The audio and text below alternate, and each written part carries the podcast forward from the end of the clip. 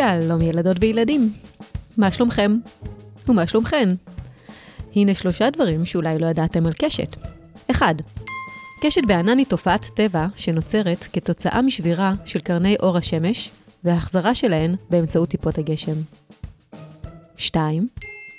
סדר הצבעים בקשת תמיד קבוע. האדום בצד החיצוני, ואחריו יגיעו כתום, צהוב, ירוק, כחול ואינדיגו, ובצד הפנימי צבע סגול. 3. כדור הארץ הוא היחיד במערכת השמש שנהנה מקשתות. איזה כיף לנו. היום התוכנית שלנו מוקדשת לגיליון קשת שקיבלתם החודש. הקשת הצבעונית והיפהפייה מסמלת עבורנו תקווה לימים טובים יותר. היא גם סמל למגוון ולקבלה של אנשים מסוגים שונים. ואם כבר מדברים על המגוון האנושי, התרבותי, האם שמתם לב שלגיליון צורף פוסטר מיוחד? את הפוסטר רגעים ישראלים איירה עדי אלקין, והאיור מכיל בתוכו אירועים רבים הקשורים בתרבות ובחברה הישראלית. מעניין אם תצליחו למצוא ולזהות את כולם. אנחנו מזמינים אתכם לקרוא במדור שבגיליון וגם באתר על הפריטים השונים שתמצאו בפוסטר. היום בתוכנית נארח את קיילה קוברי לוי וארינה טורחובצקי, נאזין לסיפור מתוך הגיליון שכתבה גליה עוז, ונשוחח עם דוקטור אלון וסרמן על הקשר שבין קשת וחברות. אבל מתחילים כמובן עם חידת התוכנית. והחידה שלנו הפעם היא, מהי צורתה של הקשת? יש אה, שיאמרו שהתשובה בגוף השאלה, אבל הרמז שלי הוא שהתשובה קצת יותר מתוחכמת. אז אה, חושבות וחושבים שאתם יודעים מה התשובה? חכו איתי לסוף התוכנית וגלו אם צדקתם.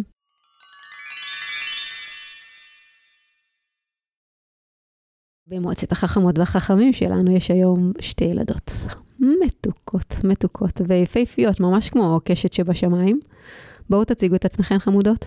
Um, לי קוראים אמינה um, טורקובצקי, אני באתי מהרצליה ואני בת עשר וכמה שבועות נראה לי, או ימים, לא זוכרת, לא סופרת כל כך. אני קהילה קוברי לוי ואני באה מירושלים, בת כמה את קהילה? תשע וחצי.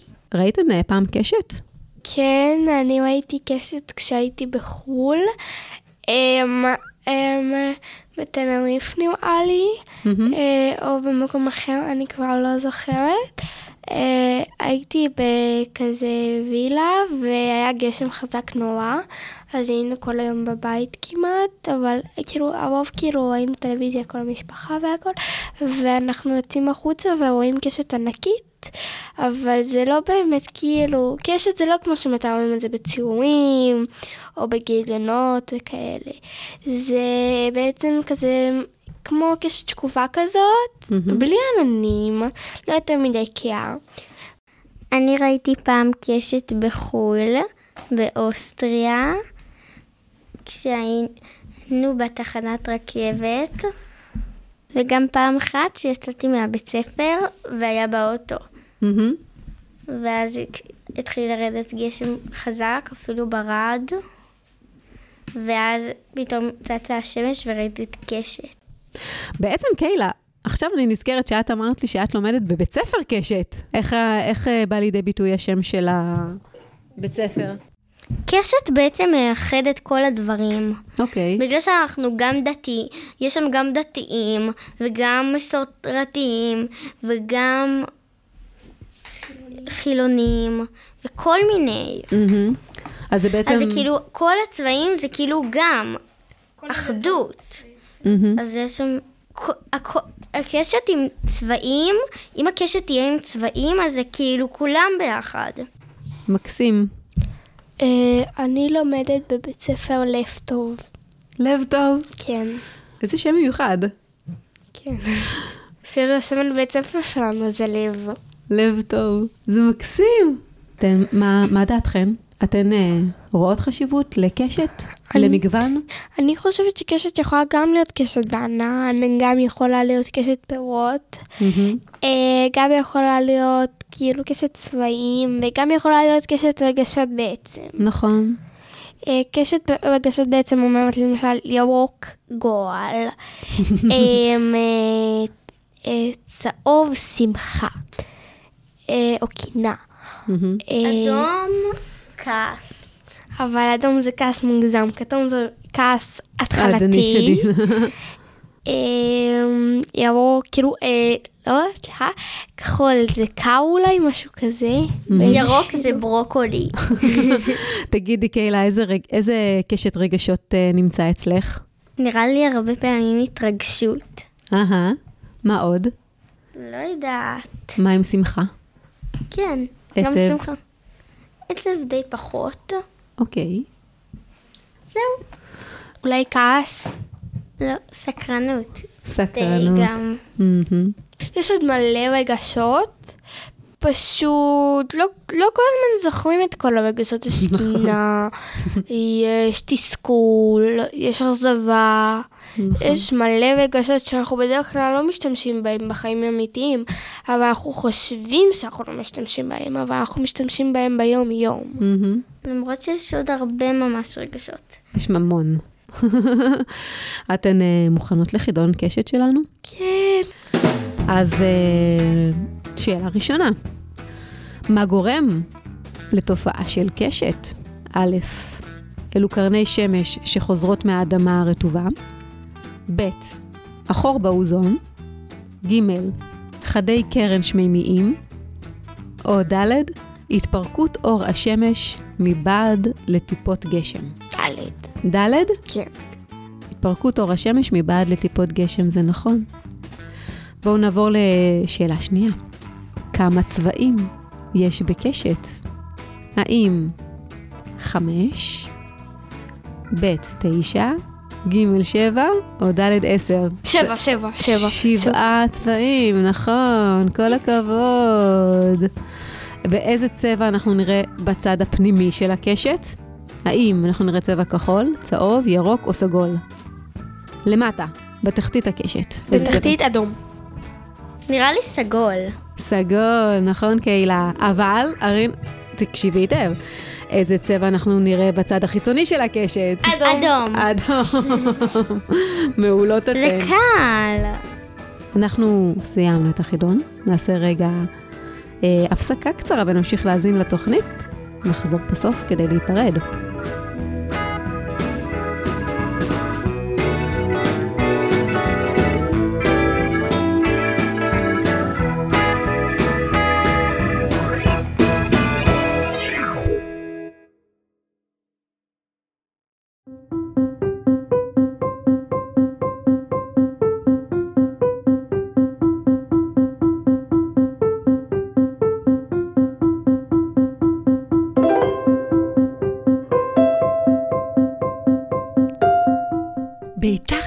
מדי. מאת גליה עוז. מספרת שרון קנטור. הכדורגל החדש התעופף באוויר, עבר מתחת לקשת היפהפייה שנמתחה על פני השמיים ונחת בתוך ענף גבוה של עץ. המשחק נפסק בבת אחת. עומר, טל, ניר ואמיר עמדו מתחת לעץ והסתכלו למעלה.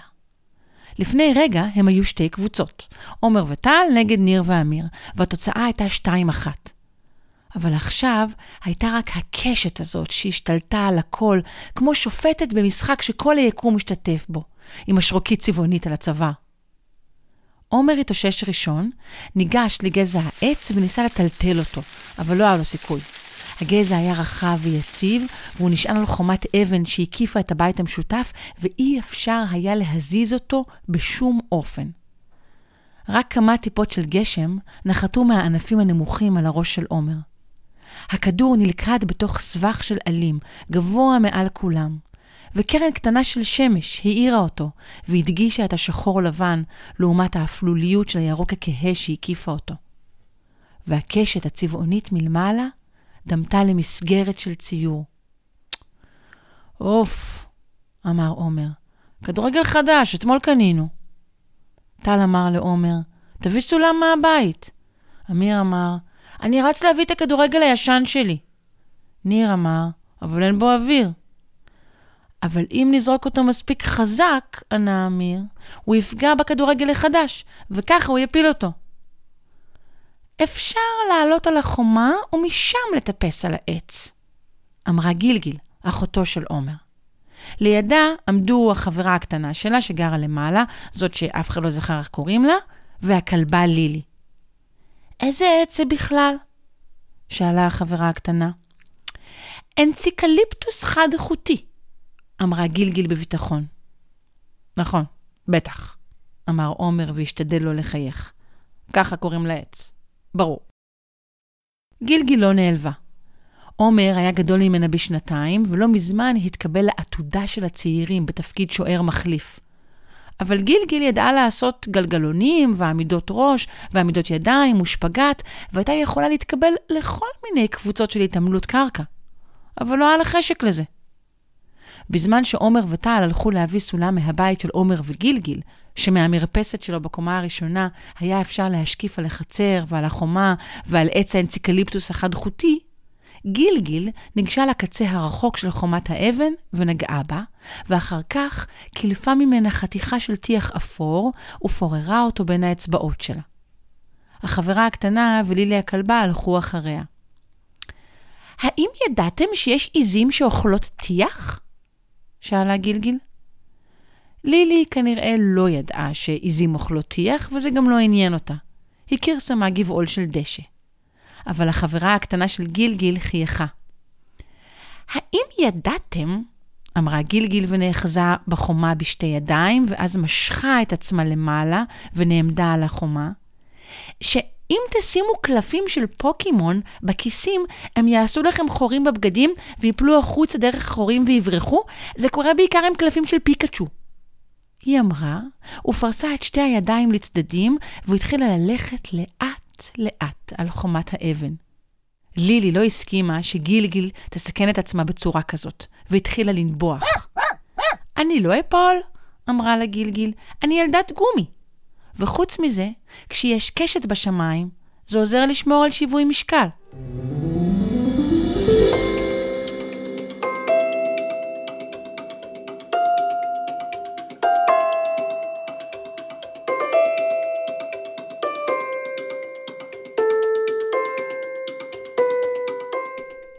עומר וטל חזרו עם הסולם והשעינו אותו על אנציקליפטוס החד-חוטי.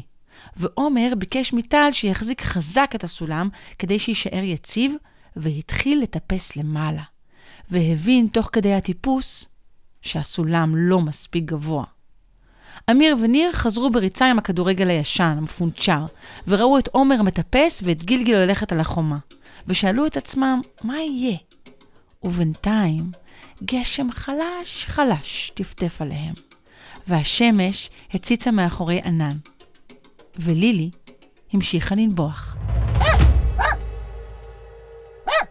לילי, סלחי לי, שרה גילגיל. לילי, גלילי, למטין, בכי לי. זה שיר ממש מטומטם, אמר עומר שהתמתח וניסה להזיז את הענף שבתוכו התחבא הכדורגל שלו. ואז הוא אמר, איכס, העץ הזה דביק. הוא ניער את שתי הידיים וניגב משהו מהפנים שלו, וכמעט, כמעט נפל מהסולם. מזל שהקשת הצילה אותו ברגע האחרון. אוף, הוא אמר, זה רעיל, לא? שרף של עצים זה שטויות, אמרה גילגיל. החומר הכי רעיל בעולם הוא אבקת אפייה. ידעתם את זה? אישה אחת בשוויץ שמה יותר מדי אבקת אפייה בבצק והלכה לישון ושכחה מכל העניין והבצק התנפח וכיסה את כל השיש ואחר כך עלה ונזל החוצה מהחלון וירד מהקומה השלישית עד למטה על הקיר החיצוני והאוטו של האישה המסכנה הזאת שעמד בחנייה התכסה לגמרי בבצק מכל הכיוונים. ברור, בטח, אמר עומר. זה בדיוק מה שקרה, וזה סוף הסיפור, האוטו נהפך ללחמניה.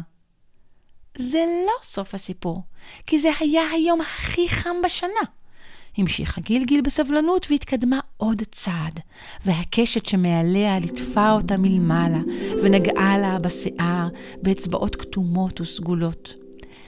הכי חם זה אולי 40 מעלות, והלחמניה הענקית שכיסתה את האוטו נאפתה וקיבלה צבע מקסים, והגיעו כל מיני אנשים שכותבים את ספר השיאים של גינס כדי לצלם את הלחמניה הגדולה בעולם, אבל הם לא הספיקו, כי להקה ענקית של שכפים נחתה שם וחיסלה את הלחמניה. יפה מאוד, אמר עומר. רק ממתי יש בשוויץ 40 מעלות? פעם לא היה, אבל עכשיו יש, אמרה גילגיל. בגלל ההתחממות הגלובלית. לילי המשיכה לנבוח. החברה הקטנה של גילגיל ליטפה אותה והרגישה איך כפות הידיים שלה נרטבות בגלל הגשם הדקיק שכיסה הכל. יאללה, בואו נעשה את זה יחד, אמר ניר. זרוק לכאן! אמר טל. הוא תפס את הכדורגל המפונצ'ר שאמיר זרק והניף אותו גבוה באוויר. ועומר הדף אותו ביד אחת, כמו שעושים בכדורעף, ישר לידיים של גילגיל, וגילגיל נתרה באוויר ותפסה את הכדור באמצע הקפיצה, ומיד זרקה אותו בכוח למעלה אל העץ. בום! הכדורגל החדש נפל מהאנציקליפטוס החד-חוטי אל האדמה הבוצית. שתיים אחת לנו, אמר טל, ומשחק הכדורגל התחדש. השמש הסתלקה והגשם נפסק. הקשת קיפלה את עצמה לאט-לאט ונעלמה מאחורי ענן. גילגיל ירדה בזהירות רבה מחומת האבן, כי עכשיו כבר לא היה שום דבר שיבטיח את שיווי המשקל שלה. האם ידעת, היא אמרה לחברה הקטנה שלה, שהאותיות של לילי מתחבאות באותיות של השם שלי?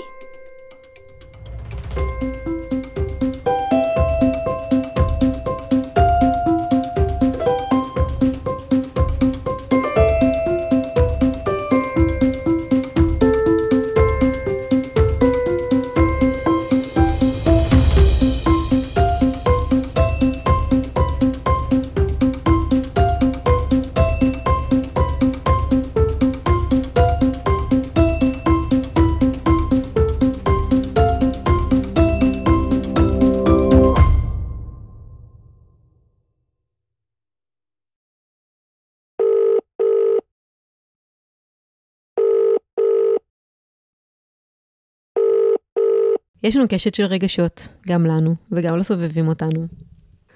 איך uh, מתמודדים עם כל כך הרבה צבעים וגוונים? איתי על הקו דוקטור אלון וסרמן, מייסד ומנהל מקצועי של חברים, מקום של קבוצות לילדים, ומרצה בסמינר לוינסקי. שלום אלון. שלום שלום. מה שלומך? אני בסדר, מה שלומך את? אני בסדר. Um, אלון, שוחחתי קודם עם האורחות של התוכנית, על קשת הרגשות שיש בכל אחת ואחד מאיתנו. וחשבתי על זה שעם הקשת הזו, עם המגוון הזה, שבעצם כל פעם רגש אחר לוקח אצלנו יותר מקום, אנחנו נמצאים בהמון מצבים עם החברים שלנו, שגם להם יש קשת ומגוון רגשות משלהם, שאנחנו עשויים לפגוש. אמ, ואתה, שאתה ממש מומחה לקשרים חברתיים ויחסים בין אישיים, בטח יכול אה, לשפוך לנו על זה אור שמש בעיר, על המפגש המיוחד הזה של הקשתות שלנו. בטח. אמ, בואי ניקח דוגמה, למשל נגיד שאת ואני יושבים אה, משני צדדים של שולחן מרובע, mm-hmm. קטן כזה. אוקיי. Okay. ואת יושבת מולי ואת אה, מתפקעת מצחוק. ומיד זה מדביק אותי, נכון? אני מיד גם צוחק, אני מתעניין לדעת ממה את צוחקת, יכול להיות שאני יודע את זה, וגם אם אני עם פרצוף חמוץ בשולחן הזה, ואז את, את יושבת עם קשת הרגשות שלך ואני עם קשת הרגשות שלי, את יכולה לראות שאני נרגן ועצבני ולא נעים לי ואני חמוץ וכועס על משהו, אז זה מאוד ישפיע עלייך. אבל בשביל שזה יקרה, את צריכה להיות, אה, לשים לב אליי, את צריכה לראות אותי, את צריכה להיות בהקשבה אליי, וגם שיהיה לך אכפת ממני. Mm-hmm. כי אחרת זה לא ממש ישפיע עלייך. כדי שתהיה לנו אה, חברות טובה, אנחנו צריכים להיות בהקשבה אחד לשנייה, ושתהיה אכפתיות, וגם אם, אם יש רגש לא נעים, אז לחלוק אותו ולהתמודד איתו, זה, להיות בסיטואציה, במצב שאני מרגיש עם החבר שלי, זה משהו שהוא מאוד מקרב. למשל, אם החבר אה, מפחד ממשהו, וגם אני מפחד מהדבר הזה, אז שנינו חולקים את, אותו, את אותה הרגשה, וזה נותן איזושהי תמיכה. ואותו דבר גם בשמחה וגם בדברים שהם נעימים בשבילי. נגיד אם אני עם ביטחון עצמי, וגם הוא עם ביטחון עצמי, אז שנינו נמצאים בסיטואציה, במצב שאנחנו נעימים אחד לשני וסומכים אחד על השני, ולא נלחצים מכל איזה שטות שמישהו אומר. ומה עם המקרים של לא נעים אחד עם השני? כלומר, התנהגות דווקא של החבר לא נעימה לי. אם ההתנהגות של החבר לא נעימה לי, אז אה, מאוד חשוב לדבר את זה עם החבר, מכיוון שאם אני, למשל, אני נגעל ממנו, או אני אה, מרגיש שהוא מזלזל בי, או הוא, הוא אכזב אותי בזה שהוא קבע עם חבר אחר והוא לא אמר לי, או כל מיני דברים שקורים בין חברים לפעמים, אבל אני אה, לא מדבר את זה ולא מסביר לו ממה נפגעתי ועל מה אני כועס ובמה הוא אכזב אותי, אז יכול להיות שהוא בכלל לא מודע לזה ולא מבין את זה, והוא לא התכוון לזה, ויכול להיות שהיה שם משהו אה, במצב שנוצר שהוא, גם אם, גם אם הוא שם לב לזה, לא הייתה לו אפשרות להשפיע על זה. ויכול להיות שהוא רוצה להתנצל על זה, ואני, אבל אני צריך לתת לו את ההזדמנות בכלל להבין על מה מדובר. Mm-hmm. הבעיה היא שיש לפעמים ילדים שהם מאוד מאוד רגישים, והם נורא נפגעים בקלות, והחברים שלהם מנסים להבין ממה הם נפגעו. ולא תמיד הם משתפים פעולה ומסבירים, ו... ויש uh, חיבור סביב זה, ואז נוצר מצב שעוד פעם מנסים, כי קורה אירוע אחר, ואחרי זה שוב קורה אירוע אחר ששוב נפגעו, ואז בשלב מסוים הילדים אומרים, טוב, נו, uh, על כל דבר אתה בוכה, מכל דבר אתה עושה סיפור, uh, או אומרים לילדה, די כבר, את ממש רוצה צומי, כשלמעשה כי זה לא שהיא רוצה צומי, אלא היא פשוט אה, מאוד מאוד אה, פגיעה, אבל היא לא מדברת ולא מסבירה ממה היא נפגעה. תשמע, אני חושבת, אני יודעת שאני בתור אדם מבוגר אפילו לא תמיד יודעת ממה אני נפגעת, או מה הכעיס אותי בדיוק. אז נראה לי שבטח כשאנחנו צעירים יותר זה אפילו עוד יותר קשה. נכון, אז בגלל זה מה שאנחנו עושים בקבוצה בחברים, אנחנו כשיש איזשהו עלבון או כעס או או התנגדות או משהו לא נעים, אז אנחנו רגע עוצרים את המשחק או את השיחה שיש לנו באותו זמן בקבוצה, ואנחנו אומרים, רגע, אה, יאלי, בואי תסבירי אה, למה פתאום השתתקת. או אני שם לב שאת עצובה, את יכולה להסביר למה? אני קצת מעודד אותה לבחור את המילים שהיא תביע את הרגש שיש לה, ואז יאלי נפגעה מאילי, אז היא תסביר לו למה. והוא יגיד, רגע, אבל בכלל לא התכוונתי, ו- וכך הלאה. אז בעצם הרבה פעמים כשאנחנו מרגישים איזה משהו לא נעים מול החברים שלנו, אנחנו לא יודעים להסביר לעצמנו מה בדיוק קרה שם, אנחנו רק יודעים שלא נעים לנו. אז אפשר אולי לשתף איזשהו מבוגר או מבוגרת, ולספר להם, ולנסות להבין מה בדיוק, מה קרה, מה הפריע לנו, כדי שנוכל לחזור לזה הח... לחברים שלנו. לא? נכון, זה, זה, כן, זה, זה מאוד נכון, כי אה, לפעמים ילדים לא מוצאים את המילים כדי להסביר את זה, ואז אה, באמת אפשר להיעזר בהורים או במורה.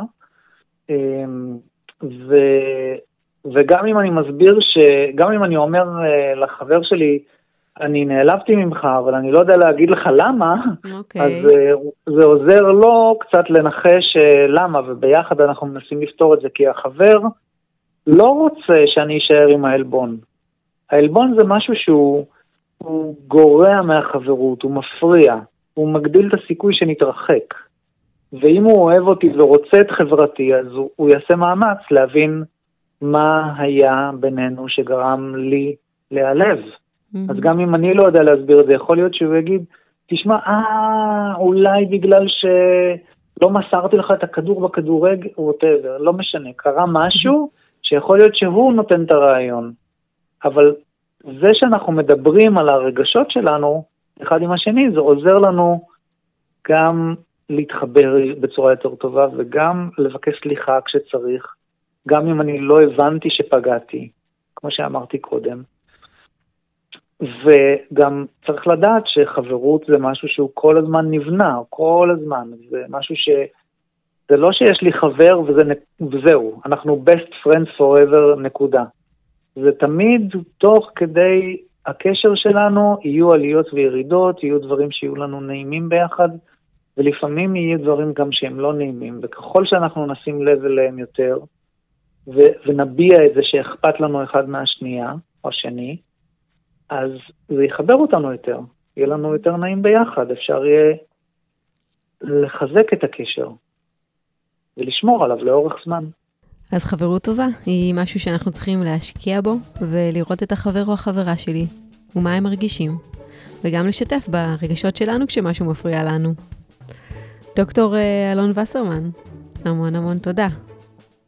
תודה לך, רוני, זה תמיד תענוג לדבר איתך.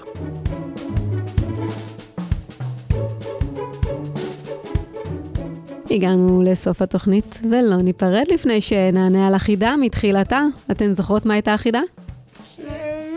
טיפה. אני אחזור על החידה. שאלתי, מהי הצורה של הקשת? האם אתן יודעות איזה צורה יש לקשת?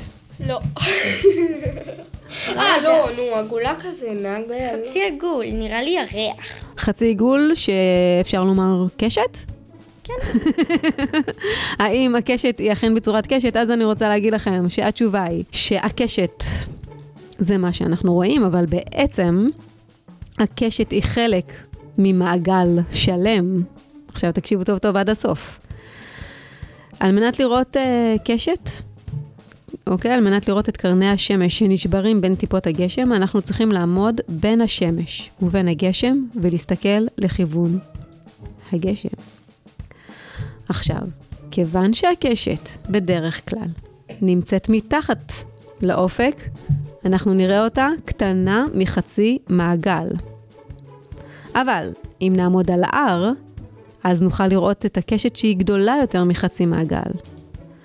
ואם נטוס במטוס, נוכל אפילו לראות מעגל שלם של קשת. מעניין, נכון? וואו. וואי, מגניב. אבל איך אפשר, הלוואי שכשאני אטוס תהיה קשת. ואני מאחלת לך גם, או שתעמדי על הר ממש ממש גבוה ותראי קשת. אני רוצה להגיד תודה רבה לכל משתתפי התוכנית שלנו. אני מזמינה אתכם לכתוב לנו ל-kids את אדמעולם.com ותוכלו לכתוב או לצייר לנו כל מה שתרצו. אנחנו משיבים לכולם ולכולן. את כל ההסכתים שלנו תוכלו למצוא באתר אדם צעיר ובכל אפליקציות הפודקאסטים. הסכתים. אם אתם אוהבים את הסיפורים וההסכתים שלנו, אנחנו מזמינים אתכם להיכנס לאתר שלנו ולהצטרף לקהילת הקורות והקוראים של אדם צעיר. אנחנו נשתמע בתוכנית הבאה. אני רוצה להגיד לכם שאיך שאני שמעתי את נושא הגילן הבא, אני הבנתי שעוד מעט חג פורים. בדיחה. כאילו אין בדיחה. כן, בדיחות ככה יקראו. כן. אנחנו יודעות רק מה הגיליון הבא ואף אחד לא יודע. יס, יס, יס. להתראות, בנות. להתראות לכולם.